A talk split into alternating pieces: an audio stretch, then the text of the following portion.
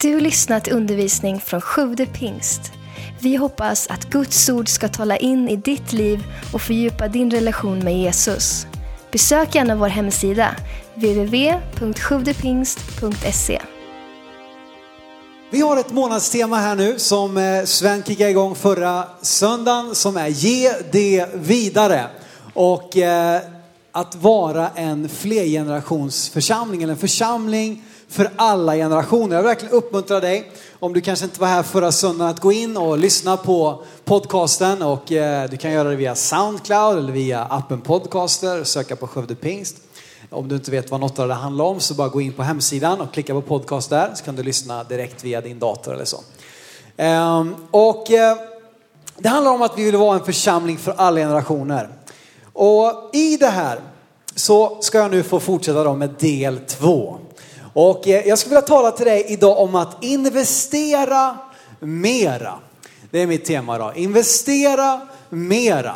Och du kanske tycker det var väldigt mycket prat om, om investeringar och pengar och allt möjligt. Men så är det ibland. Vet du vad? Att var sjätte vers i Matteus, Markus och Lukas är kopplat till pengar. Var sjätte vers. Eh, där Jesus talar om detta gång på gång på gång. För han vet att det där har ofta våra hjärtan, pengarna. Nu ska inte detta bara handla om pengar, men, men eh, delvis om det.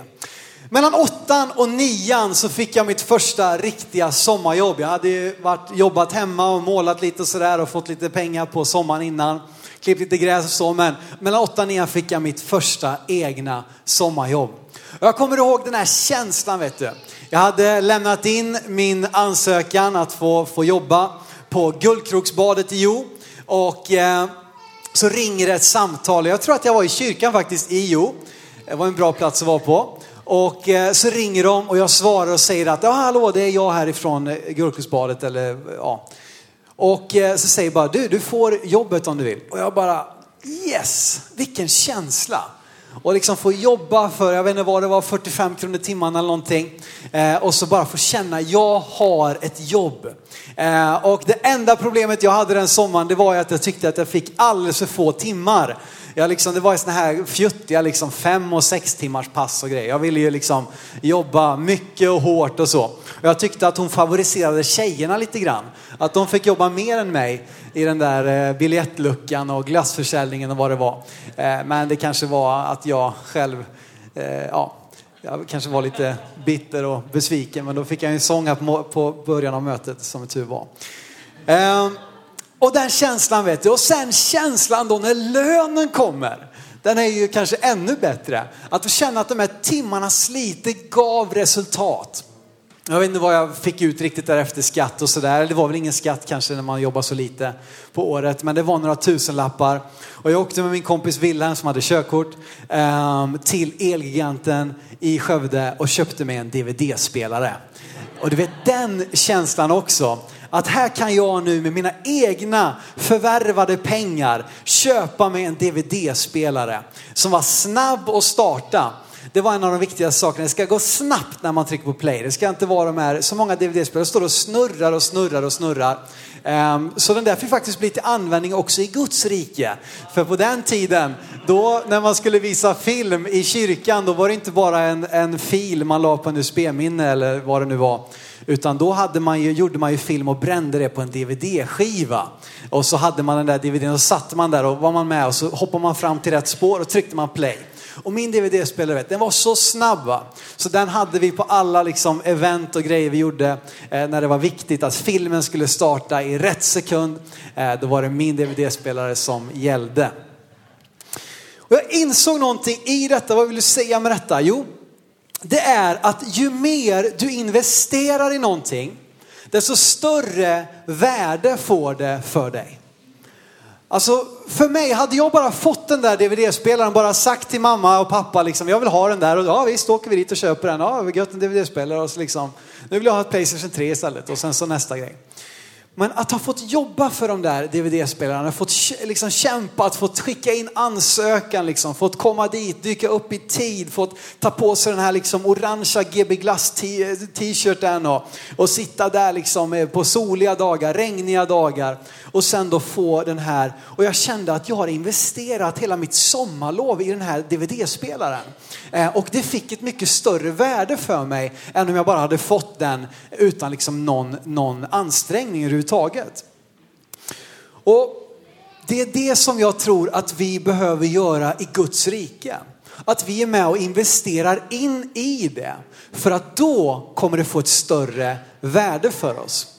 Men tyvärr är det så att väldigt ofta ser det mer ut så här att vi, vi är mer konsumera mera. Det är mer våran melodi och vårt samhälle. Vi kan tala om konsumtionssamhället. Vi köper, vi slänger, vi köper nytt och vi slänger. Och om inte vi, vi trycker in det i garaget då köper vi nytt. Då. Vi lever i en väldigt snabb tid av konsumtion. Där vi är väldigt få som faktiskt producerar mer än vad vi konsumerar. Vi konsumerar mycket mer än vad vi producerar själva. Ja, men det var länge sedan som man var tvungen för att få mat på bordet. Så börjar det ju med att du ska plöja och gödsla tidigt, tidigt på våren så att du kan gå ut och så. Så att du sen kan vattna vattna så att du sen kan ta bort ogräset och se den här åken växa under sommaren så att du sen framåt höstkanten kan gå in och skörda och liksom ta bort axeln ifrån eh, vad det nu heter från, från skälken eller vad man säger. Och sen sortera ut gruset och skräpet och ogräset, mala kornen liksom så att du får mjöl. Och sen då kan du faktiskt baka dina pannkakor och så får du mat till din familj. Det är inte så många av oss som gör så när vi ska göra pannkakor. Det är mer liksom, fram med mjölet, nu kör vi här. Eller att man, när man då ska äta en riktigt god köttbit liksom. Då, då fanns det ju en tid när man eh, kanske mer än nu fick gå ut tidigt, tidigt på morgonen. Tyst, oavsett om det var regnigt och kallt så får du gå ut tidigt, tidigt, sätta dig på ett pass, var knäpptyst och så vänta på att det där, det där djuret ska dyka fram så du kan knäppa det och sen får du tömma det och sen får du flå det eller plocka det och stycka det och sen då kan du lämna över det till matlagning och så blir det en god söndagsstek. Det är inte så många av oss som har riktigt den tågordningen utan vi är ju mer liksom snabbt in, snabbt ut, ge mig mat nu och sen så är det klart. Vi lever i en tid där vi konsumerar väldigt, väldigt mycket och väldigt snabbt. Och vi är vana att få det vi vill ha utan någon ansträngning. Och vi är vana vid att om det inte passar oss, då går vi till ett annat ställe. Vi går till en restaurang och vi tycker att nej, men här servicen var inte bra, köttet var segt, pastan var överkokt, jag går till nästa ställe nästa gång. Vi har liksom inget ansvar eller skyldighet att då vara med och se till att det blir bra kött inköpt, att det blir rätt tid liksom kokad pasta, utan vi går bara till nästa ställe. Eller om vi är missnöjda med en produkt vi har köpt, ja men då reklamerar vi den och sen handlar vi inte där mer. Eller vad det nu kan vara. Och vi kan bli ganska kräsna. Och vi blir ju experter på alla områden, i alla fall är jag det. Det finns ju ingen som, alltså när jag tittar till exempel på Slagerfestivalen eh, eh, eh och om jag själv får välja så blir det inte det. Men vi är två i mitt äktenskap och eh, min andra hälft gillar det lite mer. Hon är ingen fanatiker, men hon tycker det är trevligt. Ska vi inte titta på det tillsammans? Vi bjuder hem några vänner och så tittar vi på Melodifestivalen här. Eh, och hon får ju inte chans att, att försvara sig här nu, men det här är min story i alla fall. Och då är det ju ingen där som är mer kritisk än jag. Alltså jag sågar varenda bidrag och det är ful liksom. Det är dålig text och det var dålig låt och de sjunger falskt. Och Medan jag har ju aldrig stått där på den där scenen. Jag har kanske egentligen ingen större eh, rättighet att uttala mig. För jag har aldrig liksom betalat det priset som det innebär att få komma dit, gå igenom processen och då få en låt och ställa sig där och sjunga med all den press som det innebär. Jag menar, jag la några bra straffar i uppvärmningen på våran match igår när jag spelade med Borgunda, när vi hade en utespelare i mål och jag satte tre av tre straffar tror jag. Men att sen då gå ut i en VM-final med 80 000 personer på läktaren och då sätta den där enkla straffen, det är lite annat. Trots det så kan ju jag såga någon som skjuter två meter över. Och vad är Håkan Mild 1994? Han säger, jag vill ta första straffen. Han går fram, skjuter tre meter över liksom. Kan du ja, skicka den där bollen och köpa korv eller någonting istället. Men, och det där kan jag fortfarande då tycka, göra mig själv till expert över och uttala mig om det. Och det blir ganska så kortsiktigt, det blir ganska så ytligt. Och det handlar så mycket om jag, mig, mitt och mina. Det är väldigt mycket det som våra samhälle kretsar kring idag. Jag, mig, mitt och mina. Och det blir livsfarligt när vi tar med oss den här attityden in i kyrkan, in i Guds församling. Att vi kommer och konsumerar, vi testar rätterna, vi testar servicen. Om det inte passar oss så går vi vidare till nästa ställe. Vi förväntar oss att någon annan ska ha gjort det i ordning, att någon annan ska ha städat, att någon annan ska ha tänt, att någon annan ska ha låst upp så att jag kan komma och få min gudstjänst och sen gå hem och vara glad och god. Men du vet, det händer inte av sig självt. Och jag tänker att detta kanske är ett av västkyrkans, alltså kyrkan i västvärldens största hot. Det är inte, jag tror inte att vårt största hot är ateismen. Det tror jag vi kan hantera ganska bra. Jag tror inte det är så många här inne som har tänkt att bli ateister och känner sig superlockade av det. Kanske kallar det ateist och, det är helt fint. Det är gött att du är här i så fall. Ehm, men frågan är om vi istället faller för egoismen. För individualismen. För materialismen. Och där det hela tiden handlar om vad jag ska få och jag ska få det på mitt sätt. Om det inte passar så går jag vidare. Vi investerar ingenting för att det ska bli en skillnad, men vi är snabba att döma och ge expertutlåtanden och kanske gå vidare. Och i den här boken vi har läst och ge det vidare som Egil Svarta har skrivit, du kan gärna köpa den där ute i resurscentret efter mötet och läsa den. Så säger han en väldigt spetsig fråga just kring det här ämnet. Om du bara ställer dig själv en fråga då, om man vänder den här den är ju så bra den här grejen vet du. Om du håller liksom, pekar fingret mot någon annan, då har du tre fingrar som pekar mot dig. Va? Så om du då pekar mot dig själv och så frågar du den här själv, frågan. Om alla andra i församlingen hade varit som jag, hade den vuxit då? Det är en ganska spetsig fråga. Om alla andra i församlingen hade varit som jag, hade den vuxit då? Och nu vill jag säga det till dig som, som eh, kanske har liksom en, en tuff period i ditt liv och känner att, oh, ska man få massa krav? Nej, absolut inte. Jag vill säga det till dig att för dig så kan det vara din, din investering och din, ditt stora steg just nu. Det kan vara att bara komma hit. Det kan vara det steget du behöver ta av att investera. Men jag tror att vi sitter här också som har möjlighet att snäppa upp lite grann. Att bli investerare istället för bara konsumerare. Jag säger igen här nu då att det, jag har en liten tankegrej, jag delade den här på ett ledarnätverk för några veckor sedan. Jag sa så här att det du är delaktig i, det värderar du. Och det du värderar, det prioriterar du. Och det du prioriterar, det börjar växa.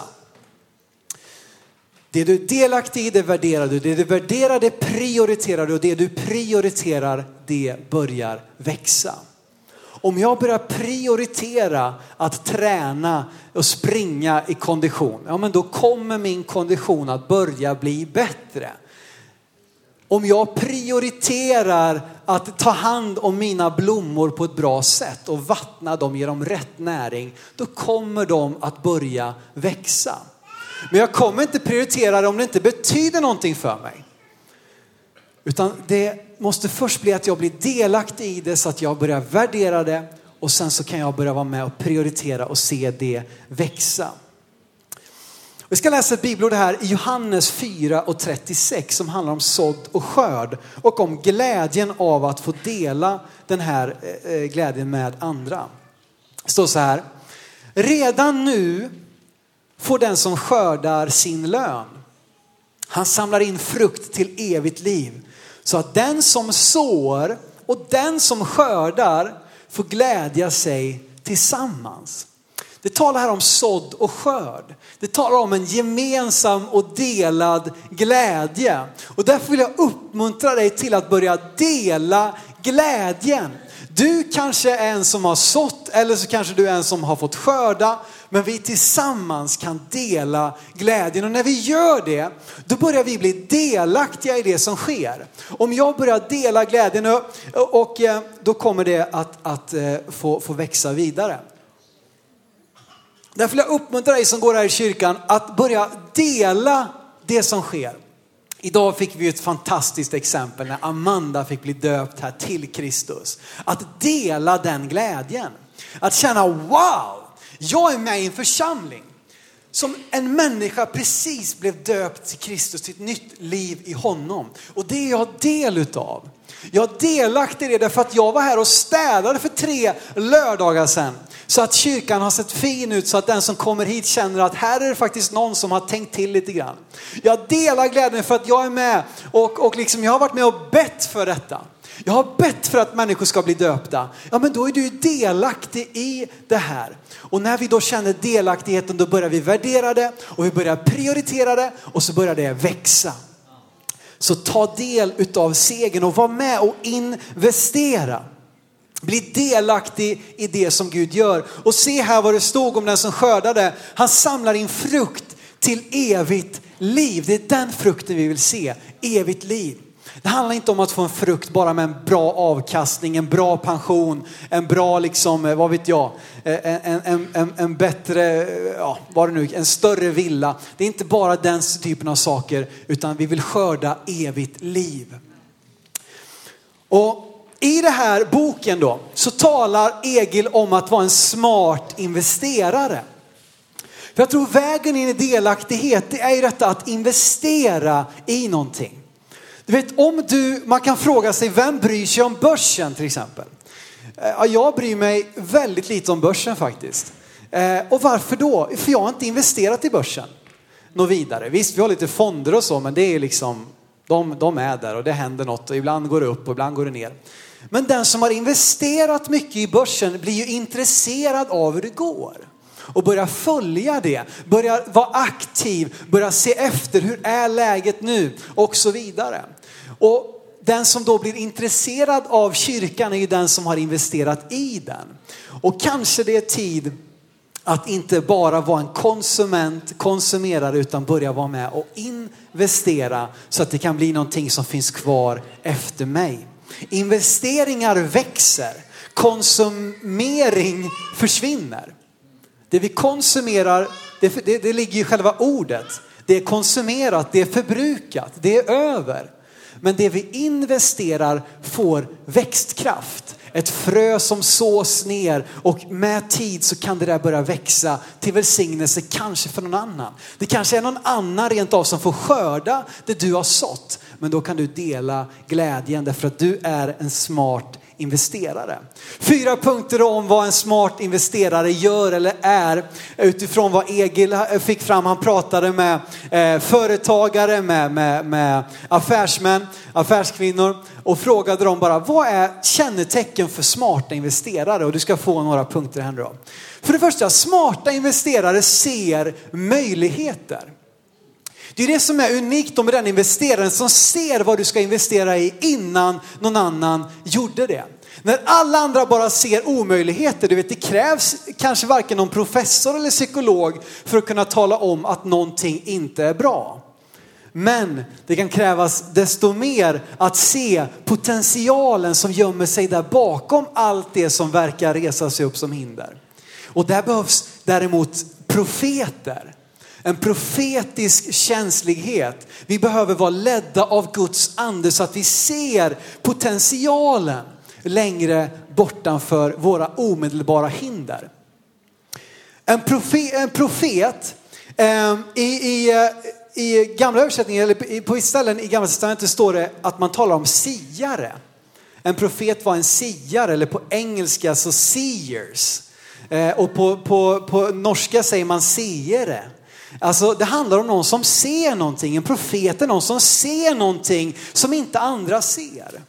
En, och det som är synligt, det kan ju alla se. Det är inte så jättesvårt, men att ha den här ögat, att ha den här profetiska känsligheten att se möjligheten där ingen annan såg det. Vi ser det här så tydligt i andra kungaboken kapitel 6. När profeten Elisa Eh, var, ehm, eh, han, han satte griller i huvudet på eh, Israels fiender och eh, jag tror det var arameernas kung bestämde sig för att nu ska, vi ta, nu ska vi ta fast Elisa. Nu ska vi stoppa honom en gång för alla. Och de får reda på vart Elisa befinner sig och de omringar den staden Eh, och där befinner sig nu Elisa med sin tjänare. Och hans tjänare börjar känna sig lite nervös. Hur ska det här gå? Alltså de, de är ju en, det är ju enorma härar som har omringat staden här. Nu ska vi dyka rakt in här då i sammanhanget i andra kungaboken 6 och 15. Det står så här. När gudsmannen tjänare tidigt på morgonen steg upp och gick ut, se, då hade en här med hästar och vagnar omringat staden. Tjänaren sa till gudsmannen, o min herre, vad ska vi ta oss till? Han svarade, var inte rädd de som är med oss är fler än de som är med dem. Och Elisa bad, Herre, öppna hans ögon så att han ser. Då öppnade Herren tjänarens ögon och han fick se att berget var fullt av hästar och vagnar av eld runt omkring Elisa. Därför att Herren stred för Elisa. Och profeten såg där det verkade vara omöjligt så såg han att Gud är med. Gud banar en väg. Det finns en väg fram. Det finns en möjlighet även om du inte ser den just nu. Och därför så ser smarta investerare möjligheter. Andra saken är att smarta investerare tror på ett aktivt ägande. Att vara en aktiv ägare. Jag sa förut här att, att jag och Carro, vi har lite fondspar och sådär. Och vi är ju superinaktiva ägare kan man säga. Som sagt, det, det, jag, det jag ser ibland att nu har det gått några pengar och de har hamnat i den här fonden och, och ibland kanske jag tittar hur, hur mycket verkar det där vara så. Men en smart investerare funderar ju vart är det bäst att sätta mina pengar? Man är aktiv i sitt ägande. Man är inte bara där att liksom, ja ja vi får väl se vad som händer och, och man, man, man eh, liksom, eh, ja, struntar i det för en lång tid och så. Utan att man är en aktiv ägare. Att man aktivt tar del, att man aktivt blir den förändring som man vill se. Att man inte bara förväntar sig att någon annan, jag pratade om det med vårt team här förra söndagen, att det är så lätt att vi tänker, ja men någon annan. Ja men någon annan tänker säkert på det där, någon annan gör säkert det, någon annan pratar säkert med den där personen, någon annan ber säkert för den där bönämnet. Det är säkert någon annan som kommer ge så att vi har pengar eh, så, det, så att det, det räcker. Men tänk om den där andra är du. Tänk om det är du som är någon annan. Som ska vara den som ser när det är liksom överfullt i soppåsen på toaletten. Att du är den som byter soppåsen. Att du kanske är den som ska se när någon står ensam på kyrktorget och verkar liksom, ja, står där och tittar i sin mobil och försöker se upptagen ut. Det kanske är du som ska gå fram och prata med den personen. Och när det är något allvarligt sak som har hänt, det kanske är du som ska be för det, för den katastrofen eller för den situationen. När det liksom är ett ekonomiskt läge som inte är särskilt bra, men det kanske är du som ska vara med och ge så att det kan vändas. Att vara en aktiv ägare. Vi behöver inte fler soffliggare som blir expertkommentatorer. Utan vi behöver människor som aktivt investerar sina gåvor, sin tid och tillsammans kan vi se det växa. Och jag tänkte också att det är lätt för en, en som har varit en aktiv ägare, en aktiv investerare om man inte vakar över sitt hjärta så är det väldigt lätt för att man glider över till att bli en passiv iakttagare istället för en smart och aktiv investerare. Och det här behöver vi vaka över vårt hjärta. Gud, har det som har med ditt rik att göra, har det blivit sekundärt för mig? Har det blivit någonting jag tar för givet? Har det blivit någonting som jag skjuter åt sidan?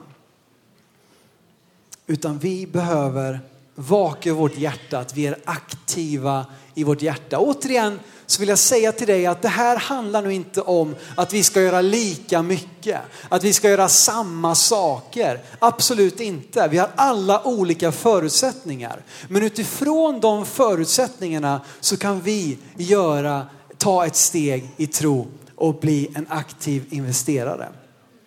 Smarta investerare vågar ta risker.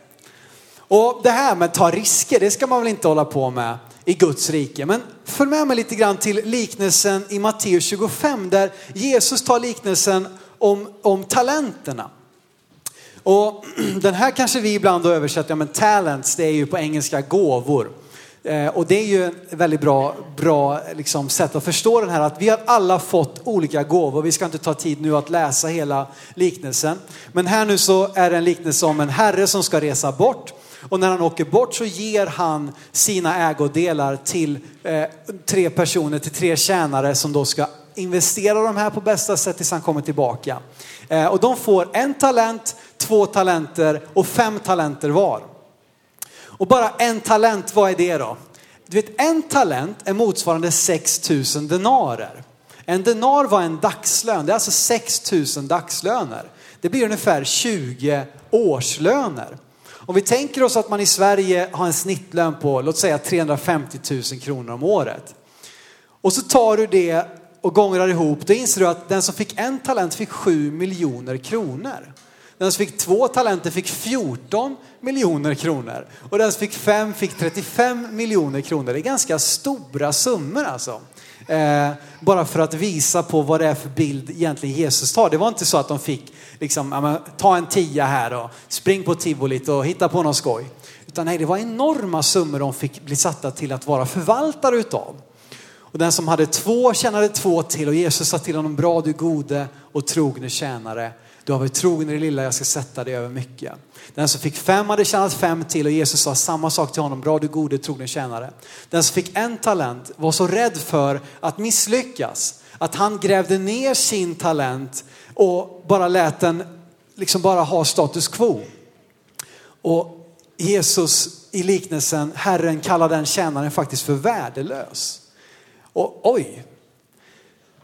Och återigen, vi måste omsätta detta till vår situation. Men det som Jesus på något sätt inte premierar, det är att inte göra någonting. Att inte våga göra någonting. Utan vi behöver våga ta risker. Och nu står det inte det i liknelsen, men tänk om man hade sagt, jag gjorde mitt bästa och jag förlorade talenten. Jag tror att Herren hade, hade premierat det. Han hade sagt, du gjorde i alla fall ditt bästa, du försökte. Eh, och det är någonting som Gud belönar. En smart investerare också till sist här satsar långsiktigt. Att eh, om man, eh, visst det finns ju de här riskkapitalisterna som köper nu, säljer sen och liksom försöker manipulera marknaden så att man ska tjäna så mycket pengar på så kort tid som möjligt. Men en smart investerare är någon som satsar långsiktigt. Därför att man vet det att det kommer alltid upp och nedgångar. Det kommer gå uppåt, det kommer gå neråt. Så är det. I våra liv, i våra församlingar, eh, i, i liksom våra äktenskap, i våra relationer, på vår arbetssituation. Det kommer gå upp och ner. Men då vet vi att när det, när det, när det är på botten, då är det inte dags att sälja, då är det dags att satsa. Då behöver vi investera, då behöver vi eh, göra mer och inte minst kan man applicera det på, sitt, eh, på sina relationer till exempel. Att när en relation är i botten, ja men då behöver det investeras desto mer så att det kan i den långa sikten växa till. Och att satsa långsiktigt är ju också det. Han pratar här om sig själv i den här boken. Han pratar om sig själv som farförälder. Han har eh, ett antal barnbarn och vuxna barn själv. Eh, och så säger han så här, det var så bra. Att som farföräldrar är vi inte först och främst ute efter att bygga en församling som är bra att åldras i. Vi vill vara med och bygga en församling som barnbarnen och de unga kan trivas och växa upp i. En satsar långsiktigt. Att jag, jag vill att den här kyrkan ska finnas efter mig. Jag vill att det här ska bestå efter mig. När jag är borta ska det fortsätta växa och frodas. Han tar en fantastisk bild där utav en gammal skogs, eh, skogsägare som nu var pensionär. Eh, och han berättade för Egil när han träffa honom att eh, något av det bästa han visste det var att vara ute och plantera träd med sina barnbarn. Och när de gick där och planterade så kom hans barnbarn då och frågade, alltså, morfar, när kan, när, kan vi, när kan vi hugga ner träden? Han tänkte väl kanske nästa vecka eller om två, två veckor kanske, eller en månad max då. Och morfar här får berätta att ja, alltså om det är granar då tar det 60 till 80 år innan det är dags att avverka. Ett lärkträd tar någonstans 30 till 50 år innan vi kan hugga ner det. Och det här barnbarnet stannade till en liten stund och tänkte efter. Och så sa han, men morfar, då gör ju du det här för mig. Då gör ju du det här för mig. Och det är en sån fantastisk bild av vad det handlar om att vara en investerare i Guds rike. Att se till dem som kommer efter. Första Korinthierbrevet 3, 6-10. Jag planterade, Apollos vattnade, men Gud gav växten. Varken den som planterar den som vattnar betyder något, utan bara Gud som ger växten. Den som planterar den som vattnar är ett och var och en ska få lön efter sitt arbete. Vi är Guds medarbetare och ni är Guds åker, Guds byggnad. Med den nåd som Gud har gett mig har jag som en kunnig byggmästare lagt grunden och nu bygger en annan vidare på den. Men var och en måste tänka på hur han bygger. Och min fråga till dig idag är ju, hur bygger du? Hur bygger du? Och jag tror att det kan vara läge att höja insatsen. Att lägga upp den lite högre återigen så handlar inte det här, det här är olika för oss var och en. Jag tror att det finns ganska många just nu som, som, som trivs bra här i vår kyrka och som kommer hit och du är så välkommen hit. Men kanske är det tid för dig att bestämma dig för att jag ska inte bara komma lite titt som tätt utan nu vill jag vara med. Jag vill ta ett steg och bli en del av den här kyrkan, inte bara som en gäst utan som en del i familjen. Jag vill bli döpt, jag vill komma med, jag vill plantera mig här i huset. Kanske det finns någon här som säger att det är dags för mig att börja vara med och tjäna. Jag kanske inte kan vara med superofta men en gång i månaden kan jag vara med och hjälpa till i värdteamet, hälsa människor välkomna. Att du kan höja insatsen. Kanske är det dags för någon att börja ge regelbundet av din ekonomi. Att låta Gud få ta plats i inte bara i ditt hjärta utan också i din plånbok. För någon kan det vara dags bara att säga att jag vill börja min dag med att öppna bibelappen på telefonen och läsa den här dagens vers som dyker upp längst upp. Det är mitt sätt att höja insatsen. Att varje dag bara låta en enda vers få tala in i mitt liv. Förstår du? Det handlar inte om att vi ska göra samma saker. Att vi ska ge lika mycket, varken tid, pengar eller någonting annat. Men att det vi har, där vi är, så kan vi gå ifrån att bara konsumera, bara tänka här och nu till att börja investera på ett sätt som bär frukt i det långa loppet. Och en fråga jag skulle vilja skicka med dig är att vad skulle du göra om du inte var rädd? Vad de här sakerna som jag har nämnt eller kanske andra saker skulle du göra om du inte var rädd? Rädd för vad andra ska tycka, rädd för hur det kommer gå, rädd för om det kommer hålla, rädd för om risken kommer bära eller chansningen kommer bära. Vad skulle du göra om du inte var rädd för vad dina föräldrar skulle tycka eller för vad dina grannar skulle tycka? Vad skulle du göra om du inte var rädd för att någon skulle säga att nej men du duger inte, du är inte tillräckligt bra, du är inte tillräckligt duktig. Om du bara tog bort all den här rädslan, vad skulle du göra då? Och kanske är det precis det du ska göra. En smart investerare vet också att det finns en tid när det är dags att sälja. Vi kan inte bara i det oändliga hålla fast krampaktigt vid saker som kanske har haft sin tid. Utan det finns en tid att sälja. Det står så i profeten, jag tror det är Jeremia precis i början, att det finns en tid att plantera. Det finns en tid att skörda. Det finns en tid att bygga upp. Det finns en tid att riva ner. Det finns en tid för allt och det kan också vara så att det är någonting som behöver avslutas. Det är någonting som behöver säljas, som behöver avverkas, som behöver klippas av. Saker som har negativt inflytande på dig, saker som inte längre bär frukt, saker som har gått till att bara bli en ritual eller en repetition. Saker som är destruktiva relationer. Återigen vill jag ställa dig samma fråga. Vad av detta skulle du göra om du inte var rädd? Vad skulle du göra dig av med om du inte var rädd? Rädd för vad andra ska tycka. Rädd för om det kommer lyckas. Rädd för om någon kommer bli arg. Vad skulle du göra om du inte var rädd? Det finns saker där det är dags för dig att höja insatsen. Men det finns också saker där det är dags för dig att sälja, att klippa. Det kan vara destruktiva relationer, personer som har ett negativt inflytande på dig. Det kan finnas dåliga vanor. Det kan finnas saker som sagt som bara går i ett, som bara är en repetition. Till sist så vill jag bara säga att det finns en som i ditt och mitt ställe gick all in. Det finns en, det är ett uttryck i spelvärlden va? att när man satsar allting på ett bräde. Man satsar allting på ett kort. Nu får det bära eller brista. Jag vill gå all in. Och mitt hjärta det är att få leva all in för Jesus. Att få leva all in för Gud och för hans kyrka, för hans rike. Men jag inser också att i, mitt, i min längtan att göra det så finns det mycket brist faktiskt. Mycket som jag inte klarar av. Men det finns en som gick all in i ditt och mitt ställe. Jesus Kristus. Han höll ingenting tillbaka. Han tvekade inte av rädsla för, tänk om ingen kommer säga sitt ja till mig. Det fick inte honom att tveka att ge sitt liv på korset. Det fanns ingenting som höll honom tillbaka. Han hade ingen plan B. Han utlämnade sig själv att dö. Han visste att det här är det jag är född för, det är det här jag har levt för och det här jag nu ska dö för.